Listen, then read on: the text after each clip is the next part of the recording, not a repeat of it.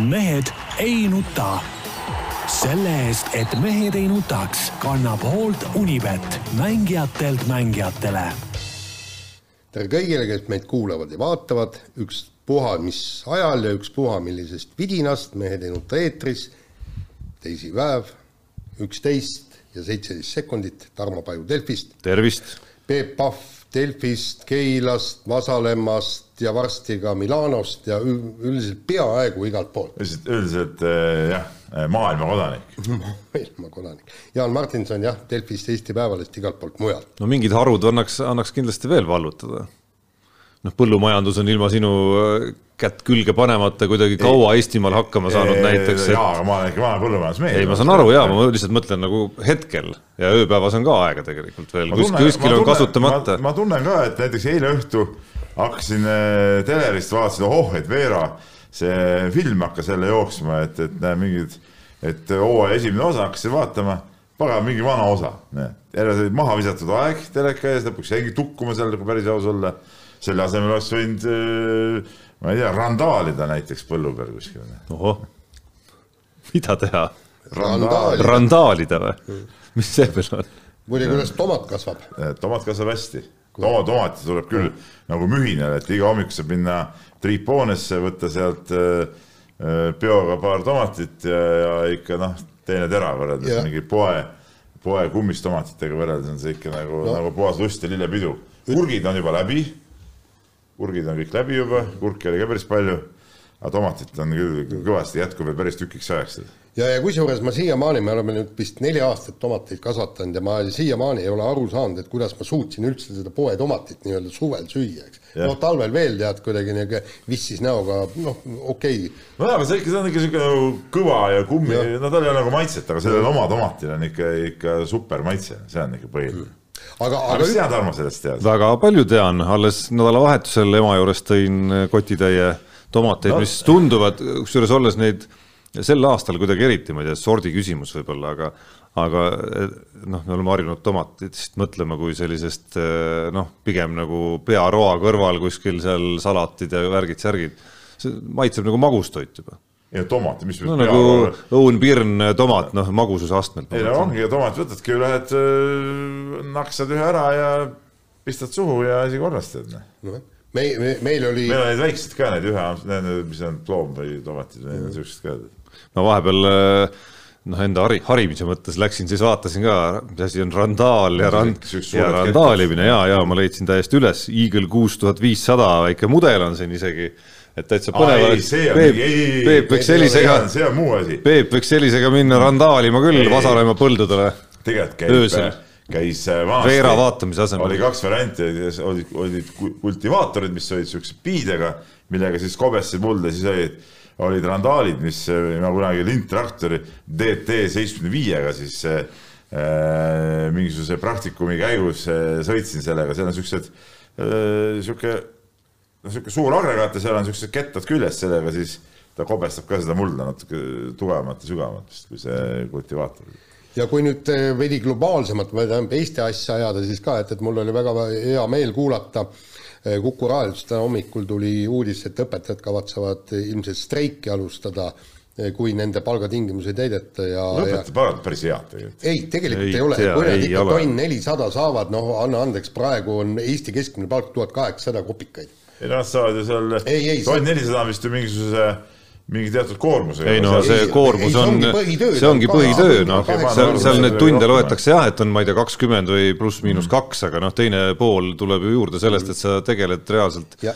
tööde kontrollimise ja, ja kõige sellega. ja, ja kusjuures see palgad on täpselt nii head, kui palju inimesi selle palga peale tööle tuleb. Ja praegu on see on ikka tegelikult on katastroof, kuna mul noh, abikaasa on ka pedagoog ja siis, siis kui ta vaatab, et milline rotatsioon seal koolides käib ja ku- kus on igal pool on neid äh, õpetajaid üha vähem ja vähem ja igalt poolt otsitakse neid õpetajaid ja täna oli meie, vist oli kus kohas, kas meie leheski oli või ku- kus oli kirjas, et meil on praegu juba öö, üle kahe tuhande õpetaja puudu Eestis et, et see on, see on kõige, kõige hullem on see, et, et kui, kui meie rahvas jääb äh, harimatuks. ei no puudu neid küll, seda ma näen ka sealt oma, oma kooli grupist, seal oli veel hiljuti oli mingi hüüatus kooli poolt, et vaja on seda, seda mingit õpetajat, et et, et, et see, see on nüüd küll üks küsimus, mis, mis tuleb äh, täiesti lahendada ja siis noh, igasugused muud asjad ka, lapsed liikuma panna ja haridus olemas, et äh, tervis ja haridus, kaks asja, siis saab inimene igal pool hakkama. nii, aga lähme spordiga siis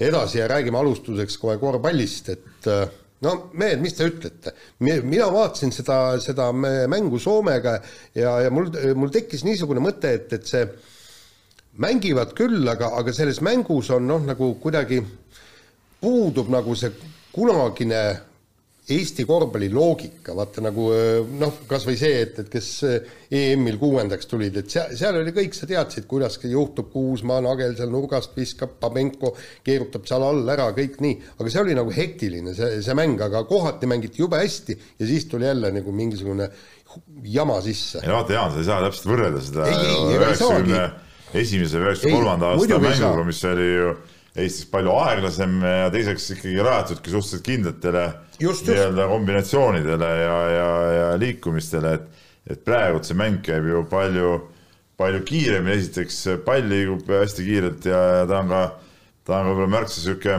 nagu ma ütlen, noh, rohkem improvisatsiooni peal ka, kuigi seal on ka ju kindlad süsteemid, eks ole, on ju teada, kus keegi on, mida keegi peab tegema, aga ütleme seda improvisatsiooni ja, ja, ja loomingulisust on võib-olla natuke rohkem. ja no ühe, üks paralleel, ma arvan, mida Jaan mõtles, peab, peab samas nagu paika, ma arvan, et see haakub natuke sellega, mida me eile rääkisime siinsamas laua taga äh, korvpallistuudios pikemalt ka, kui kui lisaks mulle ja Peebule Ats ja Eigo sporditoimetusest äh, olid ka veel, olid siin pundis ja no,. ja noored mehed, siis me näeme Tarmoga nagu veel targemad välja, kui me tegelikult oleme, eks ole. ja, ja mida ma kindlasti soovitan kõikidel, kes pole kuulanud, vaadanud, äh, kuulata, vaadata.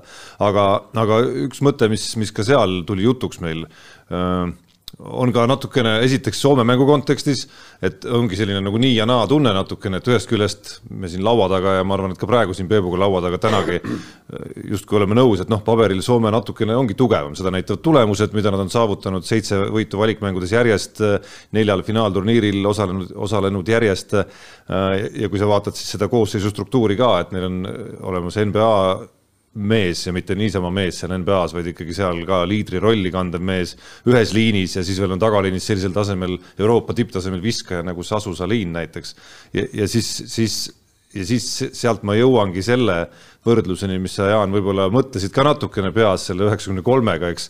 et, et, et selle meeskonna vedajad olid ju tagaliinis Aivar Kuusma eelkõige ja kõrval veel Rauno Pehka, Tiit Sokku kahjuks noh, sellel aastal ei olnud, aga, aga muidu selles põlvkonnas oli ka veel olemas ja, ja ma ei mäleta, kas ma nüüd Pehkat Kullamäed mõlemat mainisin või jätsin ühe mainimata, et et, et siin selles meie tagumises liinis just on äh, noored mehed, kes on oma karjääri alguses veel ja loodetavasti, no ma nüüd natuke kordan oma eilset äh, lauset ja mõtet, et noh, loodetavasti see redel, kus nad nüüd ronima hakkavad, saab olema vägev ja kõrge ja, ja nii edasi ja nii edasi, aga, aga, aga nad on alles selle redeli ikkagi mitte väga kõrgetel astmetel. oota, oota, ma, ma, ma korraks sekkun, et tegelikult äh, ega, ega Kullamäe oli äh, üheksakümmend kolm äh, sama vana kui, kui need meie praegune tagaliin ja Pehka võib-olla aasta-paar vanem, et, et ega seal väga palju. no Kuusmaa ikkagi no,, Kuusmaa oli ikkagi juba kakskümmend kuus peaks, peaks olema õige vanus. kaks sel hetkel et noh, see on nagu polnud midagi nii mis on ka meie praegu. ja aga noh, tema tassis, Kuusma tassis, eks ole, tegelikult seda meeskonda päris palju sellel samal turniirilgi ja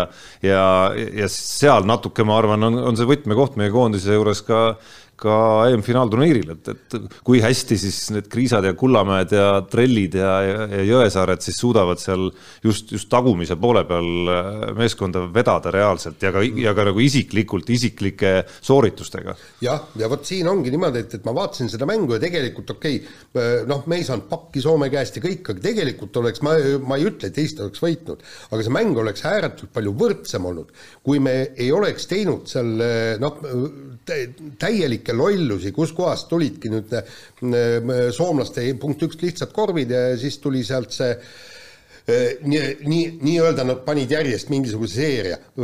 panid tähele, kaks korda anti sööt nii, et, et meie mehele kas jalgadesse või jalgade vahelt läbi, siis te,, siis tehti, ma ei, ma ei mäleta, kes kes see seal andis, hakkas seal midagi lay-up'i täiesti äh, või seda panin korvi kohal söötu täiesti, noh, tähendab, see ei olnud olukord, kus peaks seda tegema. Ja siis, siis tuli ka üks totter pallikaotus.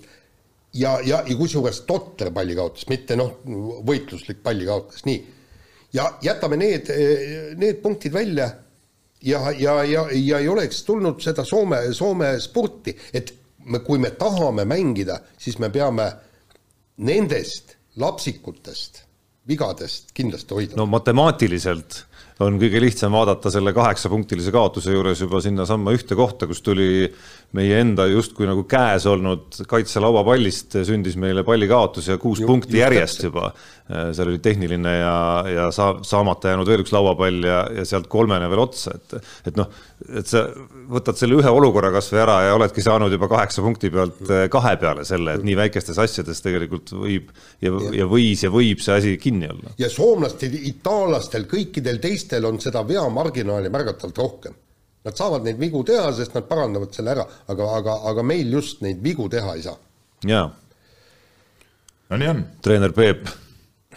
ei no ma ütlen selle Soome mängu pojad, ega meil ei ole mõtet äh, mingeid suuri järel, ma rääkisin eile ka siin seda, et, et, et noh, see üks asi on see MM-valikmäng, teine asi on see, mis hakkab EM-il toimuma, need on ikka, see on hoopis, hoopis teine, teine asi ja teine turniir ja, ja teistmoodi mängudele minnakse, et et ega siin väga suuri järeldusi kokkuvõttes ikkagi teha nagu ei saa, et, et siin olid mõned eh, murettekitavad eh, detailid, eks ole, oli, oli, olid ka mõned positiivsed asjad, et, et pigem eh, ütleme nii, mina arvan, et tervikuna, kui vaatame seda kogu seda noh, ütleme ettevalmistavat tsüklit või mis mängisite siin viis mängu või kuus mängu, palju viis mängis? oli kontrollmänge ja nüüd siis kaks valikmängu ka veel. kokku, eks ole, et tegelikult äh, noh, see oli päris, päris korralik, korralik trall ja ütleme, kõik vennad sai, said, said läbi ja ikkagi meestest sai üldiselt pildi ette ja, ja, ja ma saan aru, täna tuleb siis see lõplik otsus kaheteist mängi kohta ka ja, ja, ja ütleme, treeneritel peaks olema asi ikkagi suht, suht selge, kellega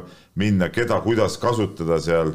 Ja, ja veel mõned päevad jäid nagu aega ka, et ütleme siin neid, kelle see vormikõver võib-olla natuke allapoole oli läinud viimasteks mängudeks, neid uuesti üles tuua, et et selles suhtes ma arvan, tervikuna see tsükkel oli, oli okei okay.. no et seal oli loomulikult oma muresid, tervisega oli muresid, me ja. kaotasime ühe mängija päriselt ja siis jäime veel periooditi ilma no, ka mõnest, aga kõik need. ei saa nagu ja, seda, ei saa, ei saa. seda võtta niimoodi, et noh, et meil on nagu hirmus, hirmus traik, et see on, see on kindlasti äh, mängija isiklik suur, suur draama, eks ole, kui ta valmistub EM-iks, ei saa sinna minna muidugi meie jaoks kõrvaltvaatajatele ka see on äh, kahju, aga, aga kui me vaatame ka teisi koondisi, siis sihukest võistkonda, kus, kus kedagi välja ei langenud või puudu ei ole, sisuliselt polegi, et noh, et, et kõigil on, on midagi juhtunud. aga no ma äh, ei, ei väsi seda ütlemast, et, et ma ütleks ka, et tervikuna jäi sellest perioodist, sellest suvest nüüd augustikuust siis on jäänud üks, üksjagu head ikkagi nagu noh, jälle see kulunud väljend, aga, aga näppude vahel, et, et kui me, kui ma tulen tagasi sinnasamma,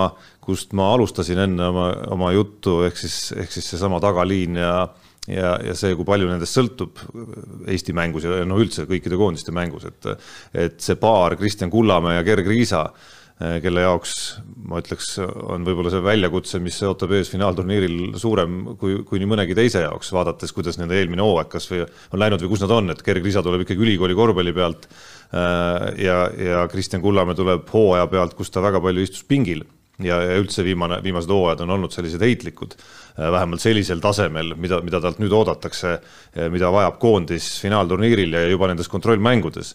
Ei ole ta ju stabiilselt saanud mängida, ongi üksikud koondise aknad, kus ta on seda saanud, ühest jäi sellest ka veel ilma koroona tõttu äh, poole aknast siis. ehk et, ehk et ma ütleks, et nad on saanud väga kenasti hakkama. Kenamini, kui ma võib-olla kartsin, ütleme niimoodi, on õige väljend. ma saan aru sinu sellest eh, kogu olekust jutust on alati niisugust, eh, mitte alati, et kogu selle eh, suve jooksul õhkud niisugust positiivset optimismi nagu ma olen püüdnud seda natuke kogu aeg seal nagu alla tõmmata. sa pead tunnistama, sa pead, Peep, tunnistama, et eriti, eriti ühe mehe puhul nendest kahest on ta ületanud ka sinu ootusi. ei, absoluutselt. sest nõus. sa kahtlesid isegi, kas ta koondisse pääseb. nõus, nõus, äh, mitte mina üksi kahe, vaid siin ka minu teada ka treenerid mingi hetk kahtlesid selles, aga ei, loomulikult äh, on, on olnud tublid, aga siin on ikkagi palju neid siukseid äh, küsitavusi ka, et, et ma selle ühe-kahe efektse korvi pärast võib-olla nagu nii vaimustusse ei, ei satuks nagu, nagu võib-olla seal ütleme mängu kommenteerides, ma saan aru, et see nagu noh, et seal tekib, ei no seal on teine emotsioon. ei, ma räägin, tekib see emotsioon ja, ja see kõik, see kõik ongi nii, aga ütleme, kui rahulikult kõrvalt vaadata, siis, siis kohe, kui näed järgmine, järgmises episoodis näed nagu, nagu. kuidas minnakse nagu postist nagu, korvi alla, jah, selge see. siis see tõmbab selle kohe nagu krõpsti maha nagu jälle. aga et, et noh ka.... ei, ei, see oli kokkuvõttes, ütleme, meie noor tagapaar, ütleme, kuigi ma väga loodan, et neid väga palju koos võib-olla ei pea kasutama, et, et meie kogu noor tagaliin siis ütleme niimoodi, on äh, tegelikult äh, suht okei okay.. Et seda näitab ka see, et, et kui Sten Sokk kogenud mehena võeti sinna ka koondisse juurde ja kui ta veel siin nendes valiksarja mängudes ikkagi oli mees, kes no kes korraks, korraks tundus, et ilma temata ei saagi. kes käis ja korraldas neid asju seal, siis praegult äh, ikkagi noh, tema roll on jäänud äh, suht väikeseks ja ja, ja pigem on ta siis niisuguse kogenud mehena seal, seal äh, pingi peal ergutajana, kui, kui nüüd see mängupöörde toojana, see on mõnes mõttes ka mõistetav, sest et äh, ütleme, vastased on läinud ikkagi väga suureks ja atleetlikuks, tugevaks seal tasemel ja, ja, ja ütleme, Sokk ei ole enam ka esimeses nooruses, et eh, noh, ta pole mingi välkkiire mees ju kunagi olnud, eks ole, aga aga, aga noh, tal ei ole võib-olla ka seda kiirust enam, mis oma parematel päevadel. jah, et see vasta. ainuke, tema ainuke pluss on siin eh, pea sees, eks ole, et see, et see mõistus ja oskus, et võib-olla seal mingil raskel hetkel ütleme, anda niisugust niisugust mõistlikku käiku meeskonnale, aga, aga ta ei ole kindlasti enam niisuguse otsustavas rollis. ja et see vastus, mis sealt tuleb, on kahemeetrised tagamehed, kes kipuvad kiiremad ka veel olema ja reaalselt füüsiliselt on lihtsalt kogu sellest tarkusest hoolimata on, on nagu väga raske mõlemal pool väljakut. aga noh, jah ma ei tea, kuidas te, kuhu te tahate oma jutuga edasi ma tahtsin jõuda küsimuse juurde, et kas ja, pääseme edasi või mitte siis? ei, ma, ma kõigepealt võtame, võtame lihtsamalt. järgmine saade on meil teisipäeval, eks ju. selleks on peetud ka EM-il kolm mängu jah, ja sama päev on neljas vastab tõele. ja ehk siis Itaalia, ehk siis Itaalia, Itaalia, Ukraina ja Horvaatia. nii, mis Eesti seis on? no ideaalis on üks võit selleks hetkeks, aga äh, võib vabalt olla, et on ka äh, null, noh, ütleme ainuke variant, mida ju võita võiks, on ju see Ukraina, ütleme, kes on meie jaoks natuke Mm, noh, nagu must hobune või nagu me väga palju, no võib-olla sina oled näinud, mina ei ole Ukraina mängu. ma ei ole näinud, olen näinud. jälginud no üsna teraselt uudiseid ja, ja, ja statistikat vaadanud ja ei, seda muidugi. aga noh, see ei anna ju mängust äh, selget pilti, eks ole. et see on nagu kõige suurem niisugune küsimärk, et ütleme, tasemelt see võiks olla võistkond, keda me saame hammustada, kes on, ütleme siis selles kolmikus äh, Suurbritannia, Eesti, Ukraina, ütleme, kus siis üks siis peaks nagu edasi pääsema. sellesse äh, Horvaatia juttu, mida sinagi siin, Tarmo, oled siin kultiveerinud minu arust, kui ma õigesti mäletan. et neil võiks võita, sellesse ma muidugi ei usu, sest sellist juttu, aa, ma ei mäleta. võib-olla ma eksin, võib-olla sa polnud sina, aga seda on nagu mitmel pool räägitud, noh, Horvaatia. aga, aga, aga B nii palju ütleks. Horvaatia kohta, et, et ma arvan, et see võib olla üks kõige ettearvamatumaid meeskondi üldse. ma arvan, et see on üks alahinnatumaid meeskondi. ei, ta võib olla, ongi, selle, väga palju räägitakse sellest, et see võib olla meeskond, mis lõpuks jõuab, purjetab isegi jumal iganes kuhu välja. aga see on ka meeskond, kes on ajaloos näidanud, et võib hoopis kokku kukkuda. jaa, ajaloo, no ajaloo ajalooks, aga seal on ikkagi praegu ka ikkagi mõned ikkagi päris tummised. ma ei mõtle isegi ajalugu, kauget ajalugu, vaid pigem seda, sedasama kooslust, kes ei ole ja. kuidagi nagu varem klappima saanud, aga aga paberil ei tohiks justkui küsimust olla, et Horvaatia on selle grupi top kolme soosiku seas.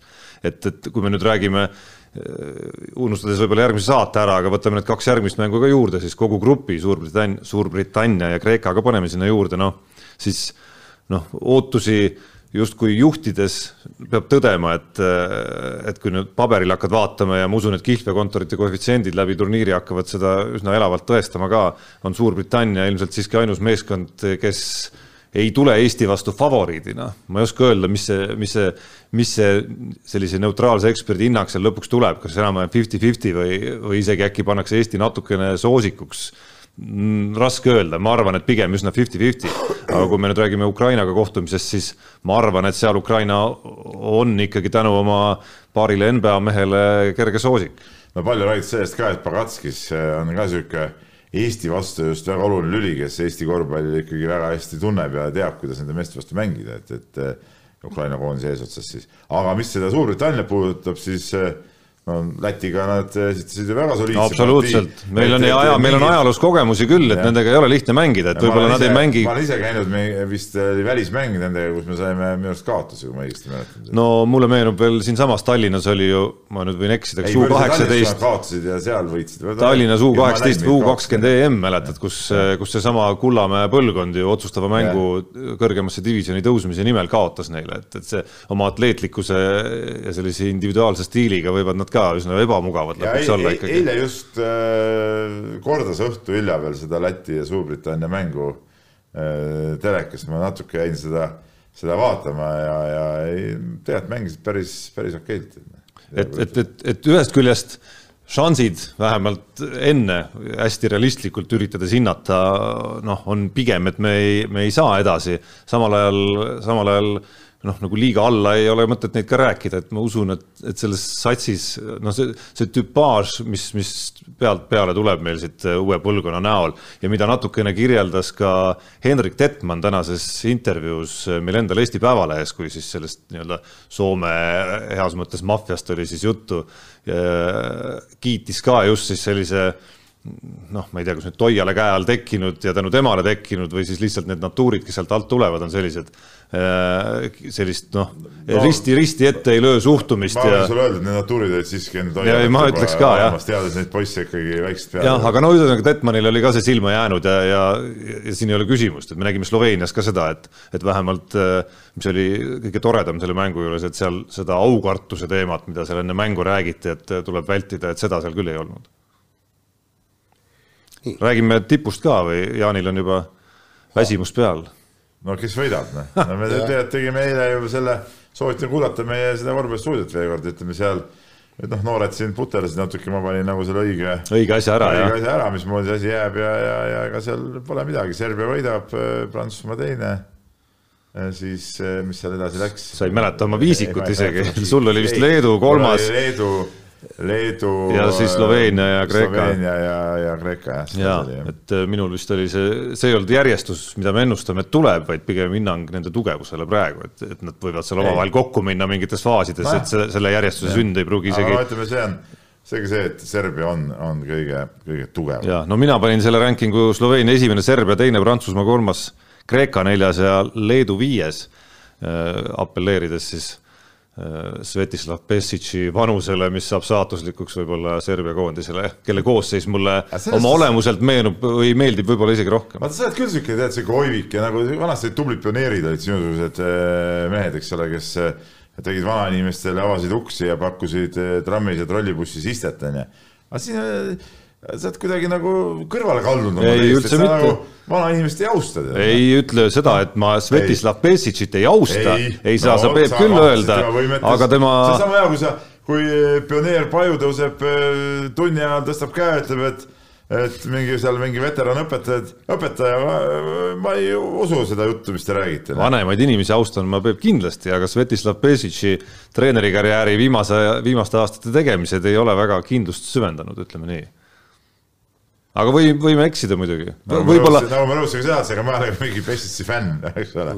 aga lihtsalt mulle tundub, et sa oled ikkagi. ei võib-olla on ta ka muutunud, et äh, meie, meie ühine suur lemmik, Ergi Natamann teatavasti on äh, rääkinud päris kõlava häälega sellest ja tema ümber on räägitud päris kõlava häälega sellest, kui ta sellise nagu vanakooli äh, autokraadi sellise nagu äh, stiili viskas natukene ikkagi kõrvale ja muutus selliseks. päris seda kõrvale ei ole. no visanud. mitte päris, aga ikkagi on näha, et ta muutus selliseks nii-öelda noh, inglise keeles on väljend mängijate treener, eks, players coach.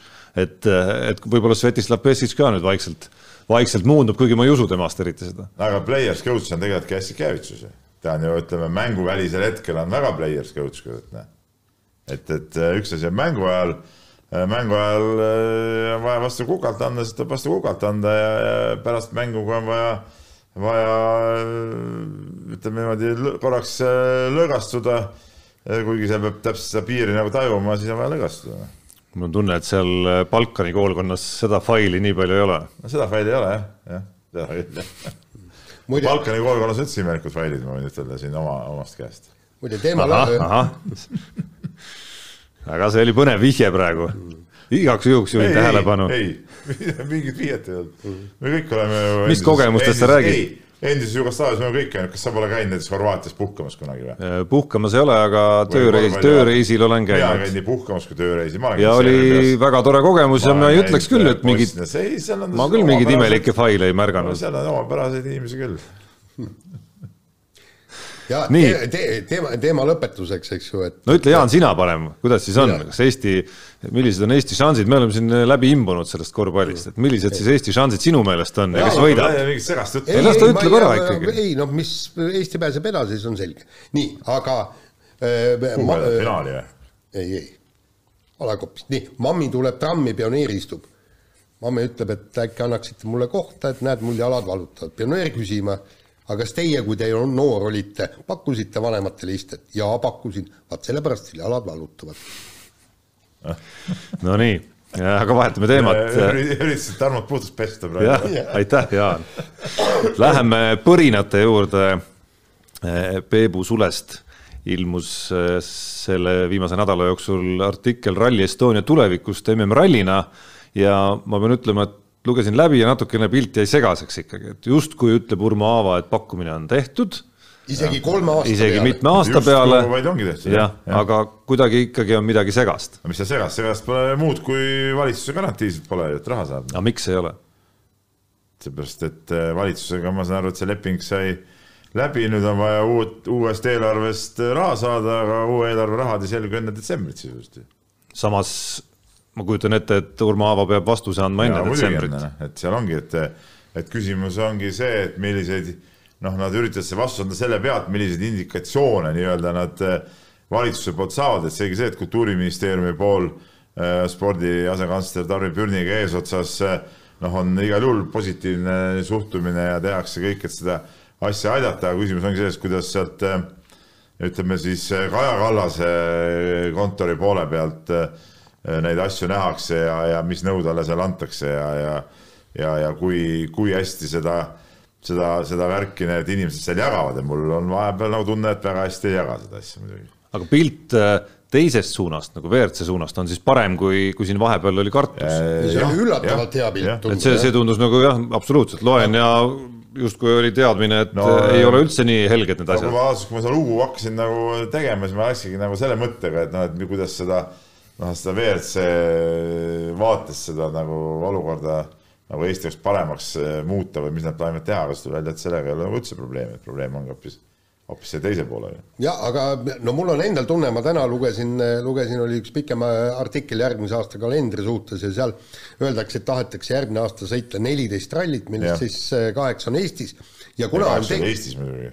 ei, ei Euroopas, Euroopas jah aga, aga seal on siis see, et, et kuna see tuleb ääretult tihe, ehk siis tähendab, ta tuleb no praktiliselt noh, seal ei saa pikemat pausi sisse teha, siis mul on miskipärast mõte, et kalendri koostajad tahavad teha nagu selle Eesti-Soome ralli nagu rallid oleksid lähestikku, et ja oleks link, jah.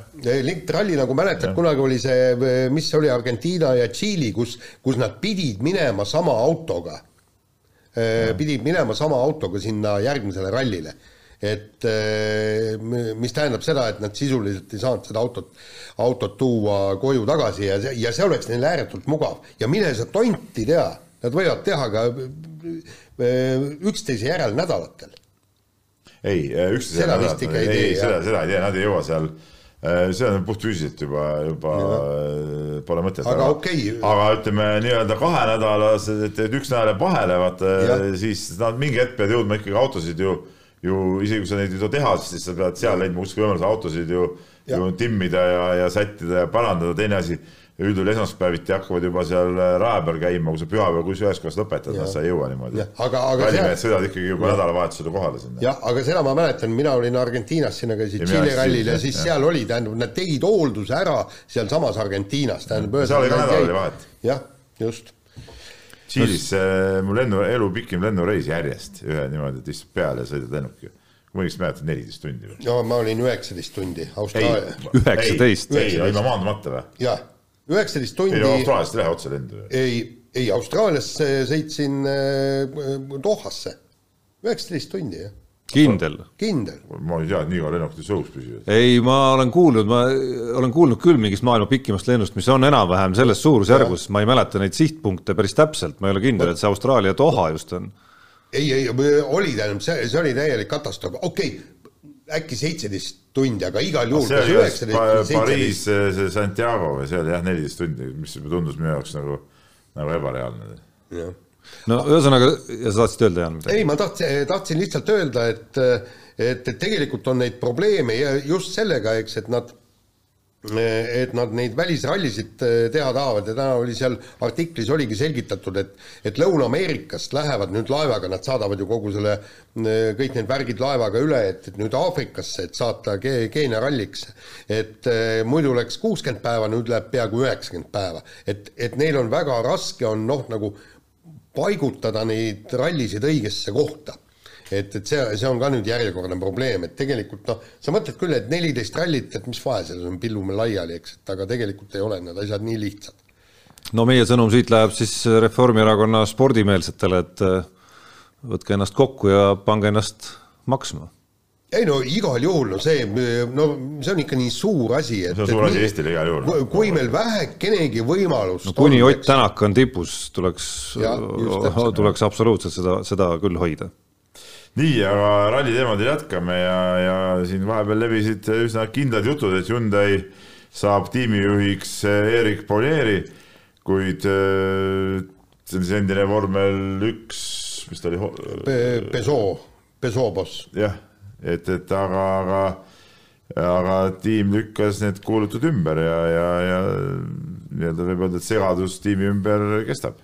Ja, ja see segadust on ikka nii meeletult palju, ma täna siis lugesin äh, Foorumist. Oli, oli, seal oli äh,, ma ei mäleta, keegi, keegi, kes tõi välja äh,, tähendab mi, äh, mingisugune asjapulk, tõi välja Thierry Neuville'i sõnad, mis olid omavahelises vestluses ja Neuville ütles, et, et see, mis Hyundai's toimub, on täielik katastroof. meil ei ole mingit juhtimist, meil on täiesti anarhia toimub tiimis, aga me ei taha seda äh, nii jõuliselt, kui tegelikult oleks vaja ja nii me äh, ei taha ajakirjanduse ette tuua, et mis seal tegelikult toimub. et see oli nagu omavahelisest vestlusest oli, oli sinna toodud, et et, et ma, ma, ma, ma, ma tõesti ei saa ega, ega mõista seda, et, et mis pagan seal selles Hyundai's toimub. kuidas nad ei saa seda asja nii-öelda korda panna, vaata, kui kaua see on ju, üle poole aasta. minu jaoks on ka see arusaamatu, et kuidas selle aja peale ei suudeta nagu leida inimest, kes seda asja siis äh, veaks ja, ja korraldaks, et on siiamaani ajutine mees, kellel on tegelikult nagu mingi muu, muu funktsioon ka, eks ole, ja, ja, ja kus ta millega peab tegelema, et ma ei tea, imelik. aga võib-olla praegu on lihtsalt mingi arusaamatu. see ei ole ju, see ei ole mingisugune, ma ei tea, Kükametsa autogaraaži meeskond, et kuhu ei saa kedagi ette võtta. aga kas siin äkki praegu lihtsalt ei ole teadmata asjast väga palju, selline klassikaline sõnumisegadus, et see Pulier on tegelikult noh, kuskil kohe-kohe tulemas, on ju, ja kui Hyundai ütleb, et midagi sellist ei toimu, noh siis see Hyundai antud juhul on ju seesama KT kelle võimuses on, on seda ju teada anda ja pressiteade sellisel moel nagu välja saata ja teha enda toetuseks Aa, mingisugune ma... avaldus kuidagimoodi seal avalduses. seal, no seal avalduses ei olnud ju Ott Tänaku või Terrine Villi tsitaate ei olnud, et ma pealkirja kuskil nägin, et et justkui Hyundai tiim avaldas toetust talle, aga praktikas seal ei olnud ju siiski staarrallisõitjate toetusavaldusi. jaa, aga tegelikult on ju, on ju see, et, et kõik need, kui nüüd uskuda ka seda Villi juttu ja kuigi ta, kui noh, ta on on ka välja öelnud ja Ott Tänakul, siis kui sõitjatele võiks vähemalt öelda, jah, me otsime, näete, meil on see leitud üks hea vend, et, et varsti, varsti on kõik asjad lahendatud. aga sõitjad ei tea ka nagu asjast mitte midagi, vähemalt nende juttude põhjal, mulle tundub.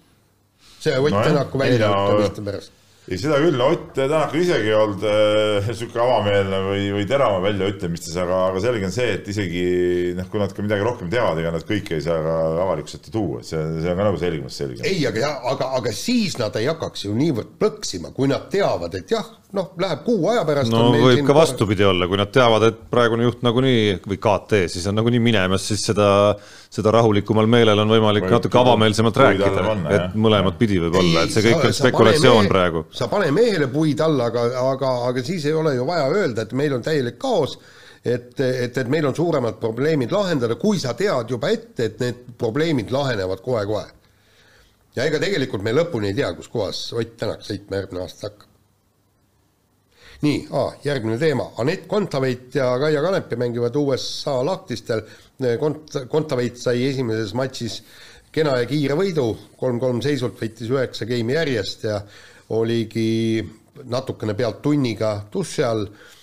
Kaia Kanep alustab täna, väidetavalt on ikkagi kõulihase rebendiga tegu, et, et noh, väga raske sealt edasi minna, aga mis muidugi on võimas, on Kontaveit võib lõpetada siis Williamsi karjääri. No see, see matš pälvib igal juhul äh, palju tähelepanu, et, et ütleme, Kontaveit ja Eesti nii-öelda saavad siin ka oma oma tähetunni igal juhul kätte. ei no väga äge igal juhul, väga äge, et ikkagi see viimasel hetkel tuleb Anetil ikkagi see kohtumine Serenaga ka ära, et et muidu, muidu olekski kõik olnud, täitsa satud nagu noh, mitte päris nüüd samale ajastule, aga natukene need ajastud klapivad ja siis jääb veel selline kogemus saamata, et nüüd saad, nüüd saab nagu, nüüd saab nagu selle veel nagu topelt või kolmekordselt veel vaadates, milline huvi ja ja meediamöll on saatmas praegu kõike seda, mida Serena teeb USA lahtistel. tekib sihuke mõnes mõttes jälle kahju, et nad kokku lähevad, sest noh, ikka tahaks ju Kontaveidi poolt olla selle aga kuidas sa oled Kontaveidi poolt, kui vastane mängib oma elu viimast turniiri, noh et ei no jaa, aga ta ei võida ikkagi... seda, see no. kukub niikuinii ühel, ühel hetkel no jaa, ikkagi tahaks, et ta jõuaks võimalikult kaugele seal ka, et sellest no, saate kahju omavahel kokku, ei noh sina, Jaan, sa oled siuke, siuke nagu nürimeelne spordivaataja. Peebus on nüüd selline, äkki selline heldimus on peale tulnud. mina siukest asja hindan väga, mina jälgin alati väga tähelepanelikult ka, ka kõik, mis toimub, ütleme matši järgsed need mingid emotsioonid ja väga, väga olulised asjad ja see sihuke nüanss on igal juhul äh, huvitav ja oluline. jah, aga muidugi kahju on see, et, et kuna see on siis äh, nii-öelda päeva absoluutne tippkohtumine, et see pannakse ilmselt kõige hilisemaks, mis tähendab see, et, et Eesti aja järgi, mis ta hakkab võib-olla kella kolme paiku öösel. et, et, et aga siis tuleb igal juhul üles tõusta, seal noh, teist võimalust ei ole. no üsna ettearvamatu on muidugi ennustada, mis seal, mis seal platsil toimuma võiks hakata, et Serena äh, et esiteks on Aneti vorm olnud pärast, pärast koroona järgset perioodi ja pluss kõiki muid äh, muresid, mida ta siin ka üsna hiljuti minu arust üsna avameelselt lahkas. no tänases, tänases Delfis väga-väga pikalt rääkis. ja et, et pärast seda on tema tegemised väljakul ja, ja ka selline vaimne pool on selline hästi suur küsimärk ja ja noh, Serena Williamsi tulemused võtad lahti siit sellest aastast, nii vähe kui ta mänginud on ja näed ka, et seal käivad need asjad ikka väga lippadi-lappadi jaa, aga, aga no tegelikult noh, olge, olgem ausad. et päris maailma top-mängijatele ta ju väga vastu siin saanud ei ole, kui no, sa võtad just, kohtumised esikümne, esikümne mängijatega. ja seda ma ütlengi, aga Anett Kontaveidil on hädavajalik see, see mäng võita ja, ja võimalikult kaugele jõuda, sellepärast et et selleks, et säilitada hea kõrge koht edetabelis. et tal ju tuleb, tuleb nüüd siis see nii-öelda, ta pea, praegu kukuvad neid punkte ära äh, küll ja veel.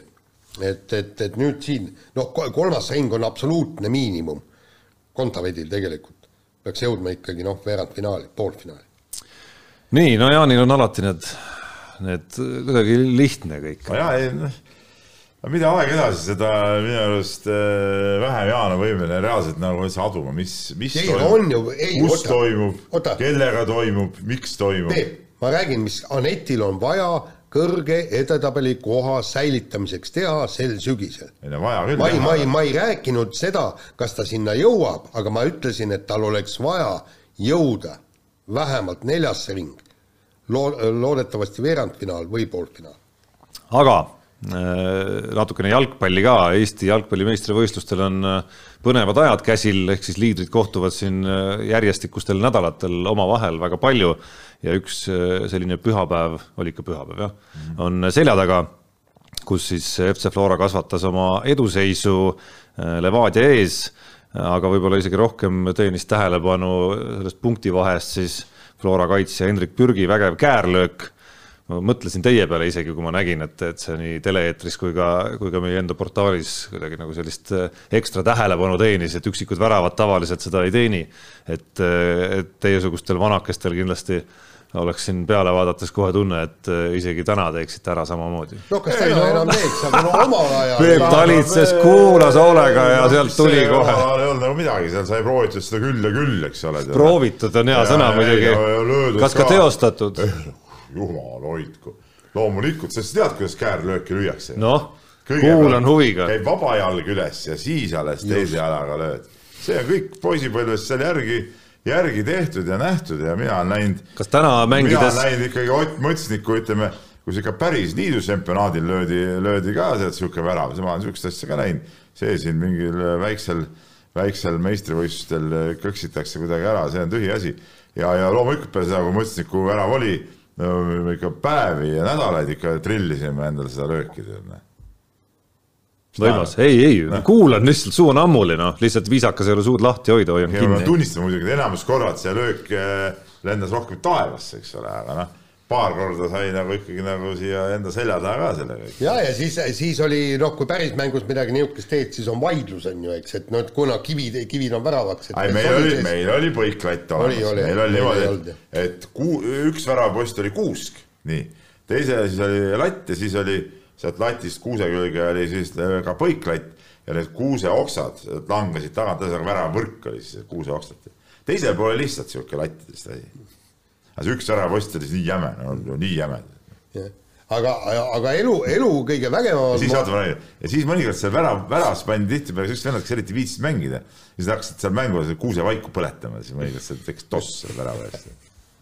Teil oli, ma saan aru, ikkagi selline noh, ütleme noor, noor partisani Crvena Zvezda mänguõhkkond oli ikkagi juba Vasalemma ja jalgpalliväljakutel. ei, see muidugi oli.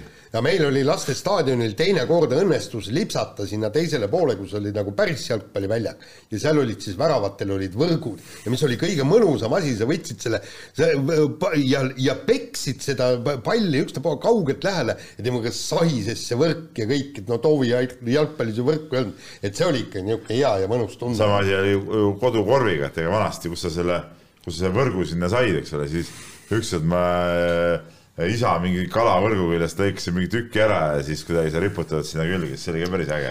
ja siis imestasid, miks kalasaagid äkki ei, see oli, see oli mingi vana võrk, see, pudenes mingi aastaga sealt ära.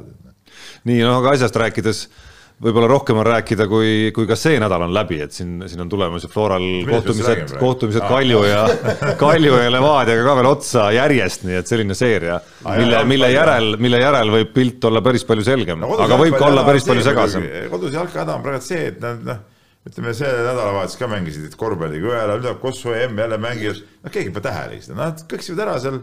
tore on, pärast kuulame Kalev Kruusi seda podcast'i, saame teada, mis seal oli ja, ja nii on, aga aga ütleme, suure pilti nad praegu ei jõua lihtsalt. ja ei, tegelikult ka noh, ma hoian ikkagi, olen hoidnud nendel tippmängudel aeg-ajalt silma paar käinud peal. seast isegi vaatamas, no vot, nägid ühte mängu. jah, aga mul on see, et, et et loed ja paned siis pildikasti või arvuti sinna kõrvale, vaatad, aga, aga nüüd isegi noh, isegi ei tule mõttesse ka meeldegi. see on muidugi kõva vaatamine, loed raamatut ja siis ei, vaatad silmanurgast, tead, harjud ära. ühe silmaga loed, teisega vaatad no umbes nii jah, ja, ja siis on niimoodi, et, et paned häält natukene ja siis, kui seal äh, see hääl, hääl nii tämber tõuseb, siis järelikult midagi toimub, siis vaatad nagu tähelepanelikult. ja siis äh, noh, viimased minutid, viimased kümme minutit vaatad ka ma üritasin. kevadel, kevadel, kui kodune play-off käis ja seal sattusid mingid mängud ühele ajale siis üritasin kahte mängu korraga vaadata. Üks oli arvutist ja teine teleekraanilt see see-, see lõpp, see, ei, ei see lõppes umbes seitsmendal minutil, kui ma saan aru, et täiesti mõttetu. aa, muide nii et, keskendu ja. muide, oot-oot-oot Jaan, puudub keskendumisvõime noh. kuule, ma, ma olen harjunud vaatama ju Ameerika jalgpalli neljalt ekraanilt, no arvutisse tuleb neli väikest mängu ja siis vaatad. kuigi seal on noh, vähemalt kahes on kogu aeg reklaamid. samal ajal loed ka veel raamatut ja, ei, seda ei ja limpsid äh, veini või viskit. et Tarmo, ei saanud vaadata. ta on nii palju, vaata, ta on nii palju seda viskit limpsinud, et, et ta käib üks mäng aga see on nagu nel- neljakordselt ekraani peal. nojah, ega seda ei tea ka ju. et Tarmo, ma ei saanud, ei saanud Belgias miskipärast vaadata ülekandeid meie arvutist või Delfi, Delfi sellel. tehniliste detailide. Mm, hea küsimus, peame seda pärast saadet lahkama, mis seal olla võis siis. huvitav, et sa kohe märku ei andnud sellest, nüüd siis. praegu tuli meelde, vaata see on ei, ei, ka ma, ma sain seda no, lõpuks vanamehe tunnus, et kohe ei tulnud meelde, hakkas vaatama, pilti ei ole, ei tulnud meelde ütelda, no praegu tuli meelde. noh. jah, laseme kõlli. laseme kõlli.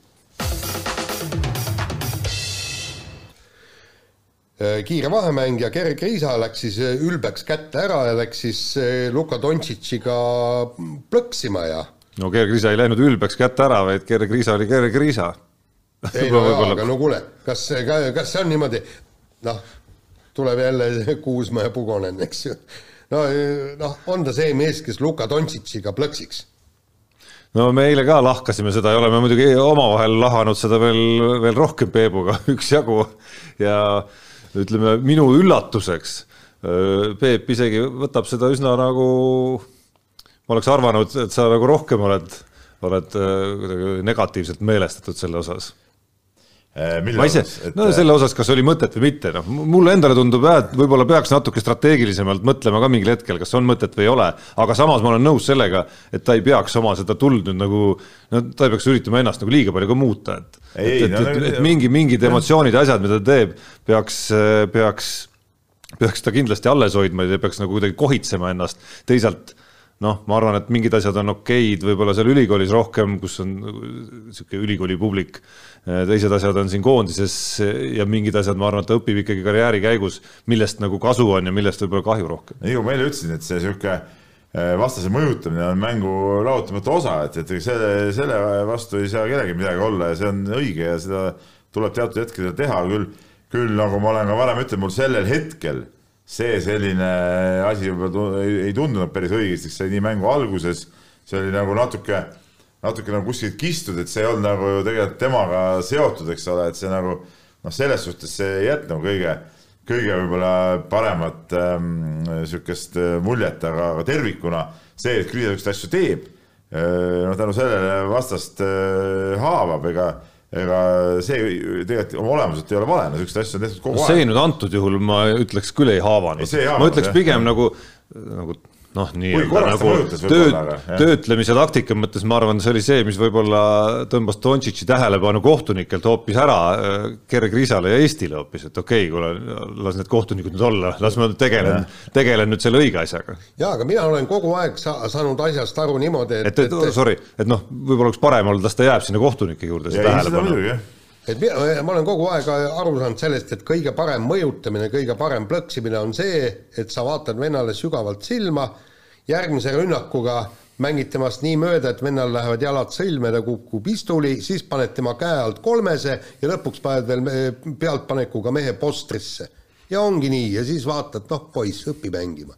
väga lihtne ei, seal lihtsamaid meetodeid on ka seal. ei, ei, aga see on, see on efektne meetod. ei näe, seal noh, lihtne on närvi ajada, kontrollid noh, poiss habe kasvab või ei kasva. ja, ja, ja täpselt. ta arvab, et Ger peaks Lukale minema habet kontrollima. ei, ei, ma ütlen, ma meenutan, mis omal ajal sai seal, sai eh, igast vigureid tehtud. no sa pigem, ma arvan, tegid endast noorematega seda liigutust vähemalt no,. ei, seda kindlasti. või käisid veel endast ise olid neljakümnene juba vanameister ja käisid seal viiekümnestel. ei, ma olin, ma olin aastaid olin ju, kui ma olin nagu teise liigasse sinna jäänud, olin teise liiga valimängija mingi, mingi periood ikka sai see noori seal natuke no. kõditatud. ja ütleme seal lauas natuke küünarnukkidel lasta see, vabamalt see on nagu normaalne, see on laua, lauavõitluse üks osa. aga meie läheme nüüd äh, pisut vanema põlvkonna juurde, Kaspar Taimsoo rääkis äh, ka möödunud nädala jooksul ära põneva ja, ja seiklusel, seiklusrikka loo sellest siis, kuidas äh, kuidas lõppes tema jaoks sõudmise EM tänavu, ehk siis enne starti jõudmist tuli teade kodunt, et, et lapse sünd on alanud ja, ja selle peale saabus väga kiirelt otsus ikkagi, et start jääb ära ja, ja tuleb kiirelt tagasi koju pääseda ja ja kõikidest seiklustest, seiklustest hoolimata siis jõudis, jõudis napilt haiglasse kohale. õigeks hetkeks. no tubli mees, Kaspar, midagi pole ütelda.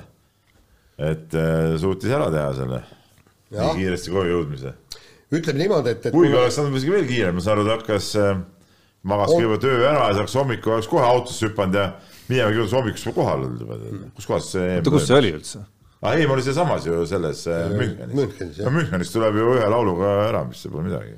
jah, aga noh, ütleme niimoodi, et äh, selge see, et, et antud juhul oli tegu enneaegse lapsega, kes kes niimoodi sündis, aga kui on tavanormaalne sünnitamine, mina ikkagi sellest aru ei saa, mida need mehed sinna ronivad, et et, et ausalt. kuidas, kuidas? jaa. ei, ei, ma tahangi teada. mis lollus sa praegu oma vuntside habemevahelt välja, välja purskama kuule, see on puhas naiste asi. saunas tuleb sünnitada, naised on ümber, soojaveeämbrid ja, ja vannid on seal ja mehed hoidku sealt võimalikult kaugele. mehe asi on lapsi teha. mõnikord harva sa võtad nagu sellist täitsa nagu, täitsa mõistlik mees, aga vahest hakkad tegema täielikku segast ikka. loomulikult loomulikult peab olema isa seal juures, isa on kõige tähtsam tegelane, sest et eh, isa on selle lapse sinna sisse pannud, nii kasvama. isa peab eh, ka selle välja. seal, nii ja siis võtab, võtab, korjab ka viljad, nagu öeldakse, ehk siis saab lapse ikkagi enda kätte kõigepealt, tead noh. jah, aga, aga ma olen kuskil tubli Peep ei, ei no selles mõttes ma poleks uskunud, et siit reaktsioon nii kiiresti tuleb, et ma ei pea isegi hakkama ise siin viskuma Jaani, Jaani korrale kutsuma. ei, ma, ma mäletan lihtsalt väga, väga efektset artiklit, kas see oli noh, kunagi ammu, kas see oli Õhtulehes või mingis ajakirjas, kui, kui need nüüd nii-öelda ämmaemandad siis kirjeldasid, et, et noh, et, et kui me, nemad ka ei taha eriti isasid näha, ütles niimoodi, et probleem on selles ega et... olgem ausad, Peep, meil on mõlemal see kogemus olemas, erinevalt Jaanist, on nii, jah? ja minul on äh, mõlema lapse kogemus, ma tean. et ega, ega me lihtsalt tolku muidugi. kuidas ei olnud? mis asja, mis sa mis, mida sa seal tegid siis, räägi? mina korraldasin kogu seda asja et ma, ma olen selles mõttes nõus, et vaja, esimese lapse vaja seal naist utsitada näe arst, et seda tee nüüd nii, siia tule, eks ole, sinna tead, teeme. ta ise ei oleks osanud minna. Eh, poiss sündis, näed, arstid teadnud, mis kell panna jälle, mina vaatasin, ahah, kakskümmend üks, seitseteist läks kirja, eks ole. kõik tead, no nii need asjad käivad ikka tead, no ja siis plika sünni ajal seal kohe seal oli uus kord juba, laps antigi kohe minu kätte hoopis kuskil tooli peal istuma ja, ja ma seal, seal ütlesin nüüd nüüd on vaja pressida, teha siin tead, no asi käib, tead, ei noh, üldse ma võtsin selle juhtimise üle seal, ma arvan, noh. jah, siis si, si, sinu lastel algas, algas selline nagu katsumusterohke elu juba enne, kui nad olid ilmavalgust ei, näinud. vastupidi, noh, vastupidi, kõik oli kontrolli all, tead, noh et seal, seal oli jah, tähendab. ega see naised, nad on nõrgem pool, ega nad ei saa, ise ei saa hakkama, ütleme, neil peab ikka sihuke tugev sihuke mehe käsi peab kõrval olema, tead, noh, mis ikka hoiab kinni, tead noh et no ei, väga võimas, ma kuulan. ei, seal, seal oligi siis kirjeldati ja ämmaemand kirjeldaski neid nii-öelda tugevaid mehe käsi, kõige värvi kes värvi... kokku kukuvad või? ei, see on mingi jamps, mis asja, mis sa kukud seal? ei, kõige värvikam juhtum oli see, et, et ühesõnaga laps hakkas tulema ja selle peale siis mees minestas ära ei, ja on mingi kukkus oma, kukkus oma ma olen seda lugu kümme korda kuulnud, jah. ei, ei no sina võib-olla oled, eks, kukkus oma kulmu kuskil vastu voodi äärt ära, on ju, ja siis verd lahmas, aga ämmaemandal polnud aega mehega tegeleda, tõmbas käteräti siis niimoodi ümber pea, aga et see peas seisaks, siis võttis endal aluspüksid ära, mis olid parasjagu vuplid. No, see on mingi väljamõeldis või päriselt? Jaani jutt. ma olen Jaani jutust kuulnud kümme korda vähemalt. no Jaan, Jaan on ikkagi see, et poolt usud, saad poolega petta, klassika. veerand usud, saad poolega petta. ei, aga, aga meil oli ka, et, et ega, ega siin abi oli vaja, tähendab mul noh, siis kui poiss sündis, naine läks siis eh, sõbranna juurde, noh, oli aega veel mõned päevad ja kõik nii, no siis veel hakkasid tulema, eks. Kihutati siis esimesse sünnitusmajja, öeldi, et siin ei ole, et, et valves, kuna tegu oli öösel, et see on valvesünnitusmaa hoopis teine.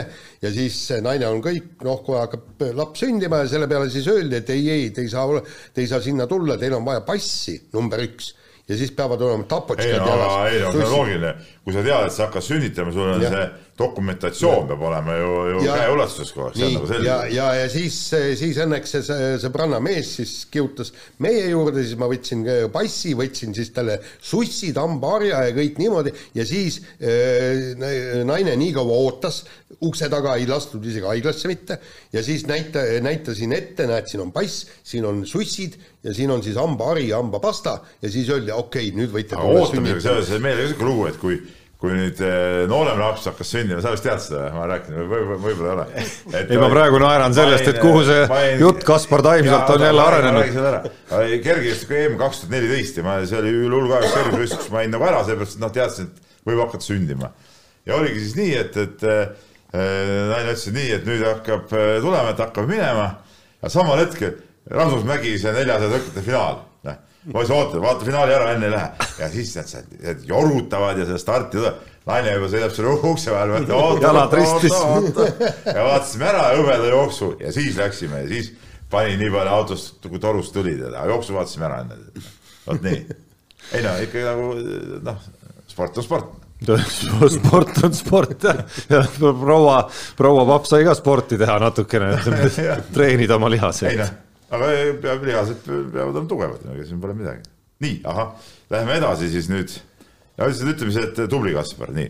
aga läheme edasi siis M-sporti rallitiimis ja, ja on murepilved siis Craig Priini kohal, et räägitakse sellest, et mees ei ole suutnud oma nii-öelda kohust täita, seal võite pole, häid tulemusi pole.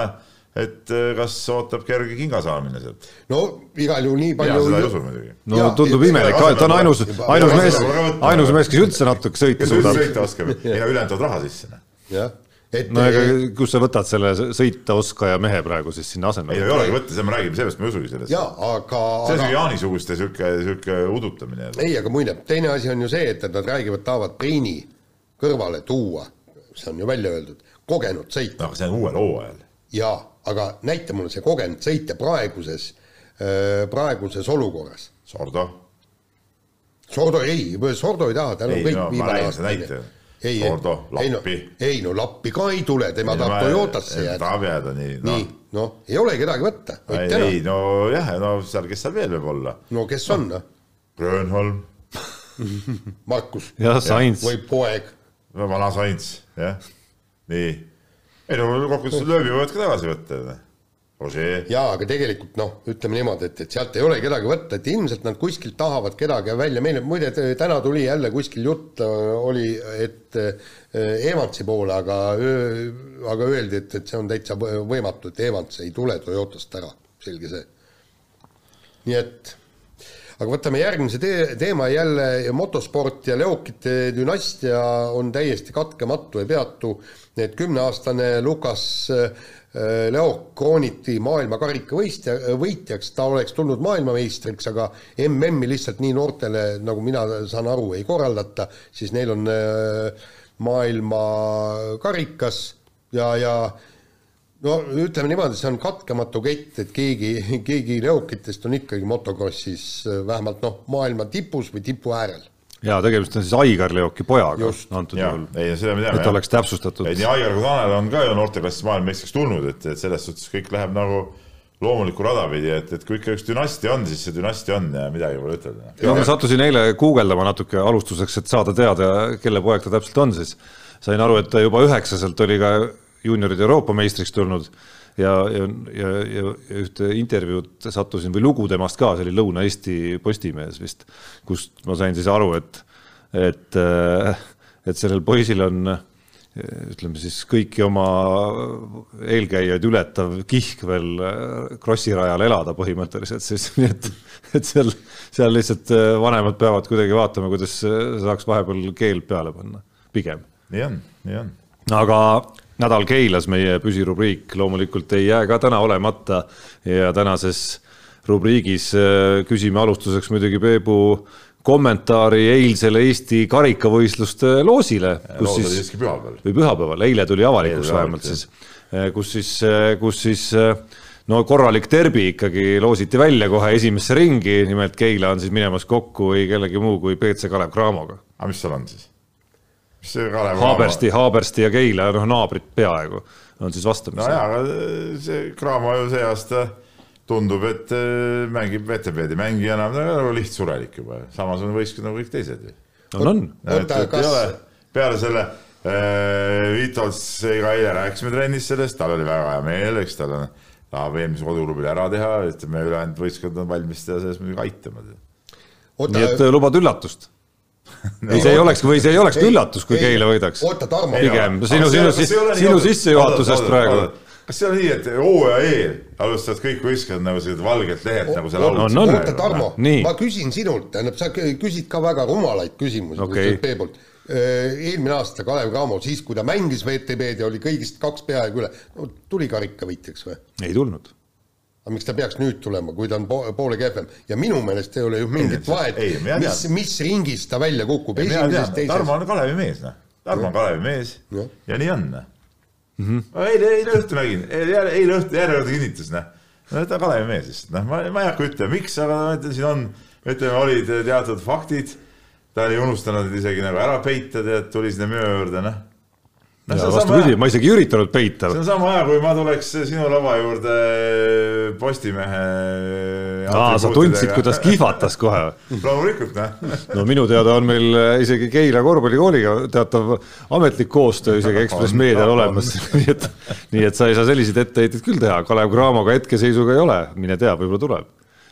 saab huvitav olema. oota, mis see, vaat kuule rohkem, mis see Cramol on, mis, mis, mis see Cramol on, mis seos nendega on? nii, aga laseme kõlli. Unibetis saad tasuta vaadata aastas enam kui viiekümne tuhande mängu otseülekannet. seda isegi mobiilis ja tahvelarvutis. Unibet, mängijatelt mängijatele. nii, oleme tagasi eetris ja ja siin vahepeal kõlli ajal, ma ei tea, kas mikrofon võeti välja või ei võetud, aga kui ei võetud juhtumisi, siis kuulsite kindlasti Peebu kirumist ja sosinat, kuidas, kuidas ennustusrubriigis jäid oma kohustused täitmata. see näitab, kas üks ropp sõna tegelikult. ma loodan, et see mikrofon ei olnud sees no mis me, mis, pole midagi teha sellega. ei no jaa, noh. jaa, mina panin ühe panuse, see oli Mehed ei nuta eripanus väga vinge koefitsient oli Eesti võiduks Soome vastu, seitse lausa. aga kahjuks seda võitu ei tulnud. sa mõtlesid, et äh, sul edu on liiga suur, et sa võtad vähemaks seda? Äh, no ei, no ma mõtlesin lihtsalt nii, et panid ikka mingi soti või? et seitse loomulikult ei ole, ei, ma panin mõned eurod äh?, et seitse ei ole. oleks seitse sotti saanud, kui üks soti pandi? no oleks, oleks jah, lehmal rattade all oleks piimaauto, nagu sa tead. et, et seda, seda võitu kahjuks ei tulnud, igas mõttes kahjuks jah, ei ma. aga koefitsient oli hea ja noh, seal sellele see taanduski, et, et tavapanusena korra segan oli see kolmekandis vist, nii et selles mõttes oli võimendus korralik. et ma panin ja, ja, ja lõpuks tulin sellest nii-öelda mudast natukene välja, panin esiteks Verstappeni peale. aga ma panin vist see, et, et Verstappen tuleb, tuleb poodiumile, aga no sealt teenisin noh, väikse kopika ja muidugi teine, teiseks panin täitsa kindla panuse, see oli vist live panuse äh,, oli vist äh, üks koma üheksa või midagi niimoodi, et, et Eesti kaotab Soomele äh, äh, rohkem kui kuue koma viie korviga ja no see läks täpselt, täpselt pihta. aga lõpp oli igal juhul, ütleme, pingeline. lõpp läks ja ma olen sellise panuse kaotanud sel suvel, sest niimoodi, et viimasel sekundil äh, visati siis väljaku nurgast äh,, see oli Leedu mäng oli see kui vahe oli vist, äh, vahe oli viieteistkümne kandis kuskil ja siis viimasel sekundil Kristjan Kitsing võttis selle panuse võidu tabava kolmesega kohas, kus palli polnud enam kuskile panna ka seal rünnakul, võttis ära. just sellest ajast tehti sisse aga uue nädala ja ma aimasin ette juba, see, see tundus juba no minut enne oli see kuskil niimoodi piimaga seinal oli see skript tegelikult joonistatud juba, ma reaalselt tabasin ennast mõttelt, et jaa, see läheb täpselt nii. aga uue nädala eripanus Unibetis on esiteks korvpall kavatsen kindlasti, Peep, soovitan sulle ka, muidu unustad, kavat-, soovitan ise vähemalt sinna panna, see on siis see, et Eesti korvpallikoondis saab vähemalt ühe võidu Euroopa meistrivõistlustel, koefitsient on kaks koma null. vähe. ja aga no siis võidki otsida alati, alati natukene vingemaid ja teine, mis on tulekul, aga täna veel ei saa teha, on siis kindlasti midagi seoses Anett Kontaveidi ja Serena Williamsi kohtumisega. Suurbritannia tuleb Euroopa meistriks. kindlasti annab leida see Unibetis ei ole seda? tahad, tahad eripanust äkki? ei, no mis eripanust, see võiks olla, selleks nagu mõtteks panna, seal on kindlasti panus on mingi tuhat, ma arvan. no nii palju ei ole. no aga mul on sulle väga hea mõte, Peep, et äh, palju sul seal arvel veel alles on, et pane see kõik Suurbritannia esikohale ja ma natukene vaatan, kas see on olemas. ma mõtlesin, et ei, ära otsi, ma mõtlesin, et tead, et sul on kohe käe, käe-jala juures nii-öelda.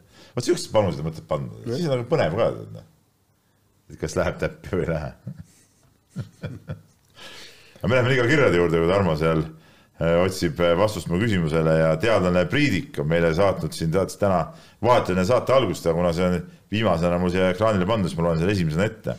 et ähm, tihti on olnud juttu sellest, et väikese riigi ja rahvana ei suuda me võistkonnaladel läbi lüüa, ometi kõlab see kohati otsitud põhjendusena, sest väikeriikide maailma tipus olemiseks ei pea tooma isegi Soome või Horvaatia näiteid piisab Läti hokist, Leedu korvpallist või Islandi jalgpalli poole vaatamisest, no ma tooks veel Sloveenia siia, mis on just kõikidel pallimängudel ka eh, tipus. kas see on, eh, kas tegemist on siis ikkagi Eesti võimetusega nagu aastakümneid kestnud jalalt jalale tammumine jalgpallis või on see süstemaatilise töö ehk investeeringute puudumise taga või on selleks mõni muu põhjus, nagu näiteks mingid rahvuslikud iseloomu eripärad, mis pärsivad meeskonnamängude, eh, meeskonnamänge või, või on siis hoopis asi milleski veel, veel muus no rahvuslikud eripärad kindlasti, sest ega eestlane väga kollektiivne inimene ei ole muidugi, ma arvan. no seal... meil justkui, justkui on korvpallis juba nagu läbi aastakümnete üht-teist ette näidata siiski võistkonna alal. no jaa, aga ikkagi no nii kõva asja meil ei ole ju noh, okei okay,, see üheksa, no okei okay,, see. no ikka on üht-teist no., nagu Eesti-suguse väikeriigi kohta kui sa No nüüd Nõukogude Liidu aega veel lähed, no siis äh, ju ikka nagu väga jaa, on. aga võrreldes äh, nende toodud näidetega ei ole meil nagu mitte midagi tegelikult. ja no räägime Islandi käsipallist on ju, kes on olümpiahõbe ja, ja või- MM-ilt võ- võitnud Sloveenia võrkpallihõbe äh, korvpallis, eks. Euroopa meister. Euroopa meister, noh, jalgpallis ka pääsenud, pääsenud finaalturniiridele, no vaevalt siin ühte faktorit on, aga, aga kui nüüd teistpidi mõelda, mis on see Eesti spordisüsteemis tervikuna, mis, mille, millele sa, te suudate praegu näpu peale panna, et vot see asi on küll nii hästi, et selle pealt peaks meil tulema vägevaid pallimänguvõistkondi kogu aeg, pallimängutalente peaks tulema nagu, nagu vuhinal, noh. ei no aga tegelikult ei olegi. Pole sellist asja. no Ja- ma seda ma räägingi. ja, ja meil ongi või tegelikult kas noorte treenerite tasudega on nii hästi näiteks või, või klubid on nii kindlatel jalgadel, et sealt peaks tulema Ei, nagu no muidugi, vinged trennitingimused ei, aga, aga, probleem ongi see, et, et meil ei ole eh, nende sportmängude arendamise süsteemi, korralikku süsteemi paika pandud. ma arvan, noorte liikumisharrastusega on nii hästi kehalise kasvatuse tundidega. et näiteks see, see, kuidas Leedus arendatakse ja hoitakse seda korvpalli, et see on minu meelest üks hea näide, et, et mikspärast Leedu on korvpallis niivõrd tugev. ja kusjuures me alustasime ju tegelikult eh, peaaegu samalt tasandilt. Ja lihtsalt need näited, Leedu korvpall on nagu üldse fenomen, aga noh, need näited, kus, mis siin on kõlanud, Sloveenia ja Island ei räägi enam ainult ühest pallimängualast, vaid päris mitmest juba korraga. noh, seesama Island, väike Island, räägime korvpallist, käsipallist, jalgpallist. aga, aga, aga vaata, siin on üks, üks küsimus, ma olen, ma olen sel teemal vaielnud, et mida te tahate rohkem Islandilt, okei okay,, üksikud käsipallimedalid, jumalast vinge. Järgmine küsimus, et, et jalgpallis jõuab EM-il kuskil veerandfinaali või MM-il sa pääseb alagrupist edasi, see on väga vinge saavutus. aga kui me paneme siia kõrvale olümpiakullad, olümpiamedalid, MM-tiitlid individuaalaladel, seda ma mõtlen. ma pigem, pigem muide Islandi asemel, Island on üldse vist võitnud ainult kolm eh, olümpiamedalit.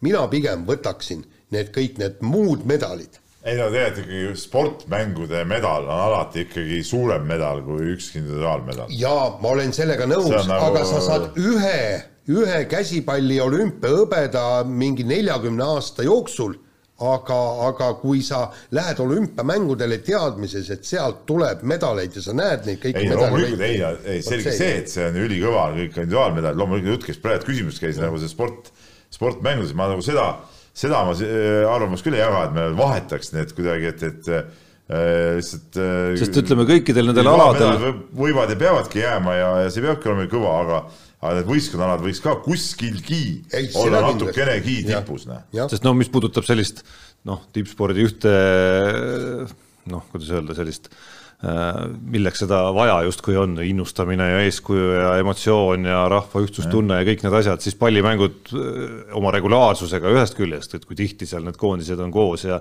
ja kui tihti neid turniire on ja pluss oma iseloomuga, ma arvan, pakuvad seda enamikest individuaalaladest rohkem siiski, enamikest, ma ütlen, mitte kõigist just ja ikkagi inimesed, kuigi, kuigi see noh, ka kergejõustik ja, ja kõik muu asi toob ka noh, vähemalt meie ajal tõi need lapsed mingil määral tänavale ja, ja kõik tahtsid olla kõik need suusahüpped ja kõik nii, aga ikkagi no hoovisport on vaja tagasi tuua sealt, aga, aga see ei tule kunagi tagasi. Peep, aga enne kui sa jätkad, siis äh, olgu ära öeldud ka, et, et jääme siis ootama sinu panust eeloleval nädalal Suurbritannia Euroopa meistritiitlile, koefitsient kusjuures on täpselt sama nagu Eestil, ehk siis kaks tuhat üks.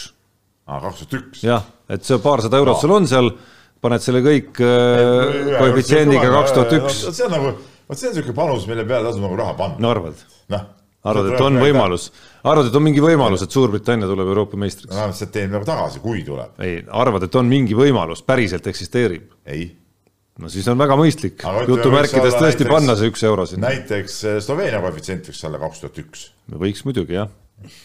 ma ei tea, kaua see, kaua need ärid siis püsti püsiksid seal. nii, aga okei okay., lähme edasi Kalevi kirjaga ja Kalev küsib sellist äh, selget asja, miks Eesti korvpallikoondis ei mängi enam kombinatsiooni number üks ehk vana. kui Toiala ei tea seda, siis Ranno ja Reimbav võiks talle rääkida sellest. kui väljakul on rasked hetked ja pikad mõõnad, siis oleks vaja ühte head kombinni, mis lõikab. No täitsa no õige. vot ei tea jah, ma üks päev äh, sattusin sama asja Rauno Pehkaga arutama, no kes ei ole küll koondise juures, aga noortekoondise juures olnud sellel suvel. Ja, ja ma saan aru, et vana tegelikult mingites võistkondades elab veel, aga Eesti meestekoondises tõesti ei ole näinud enam. et ei teagi, peaks, see on nüüd ülesanne, Peep, meie ajakirjanikele tuvastada, kes tappis vana.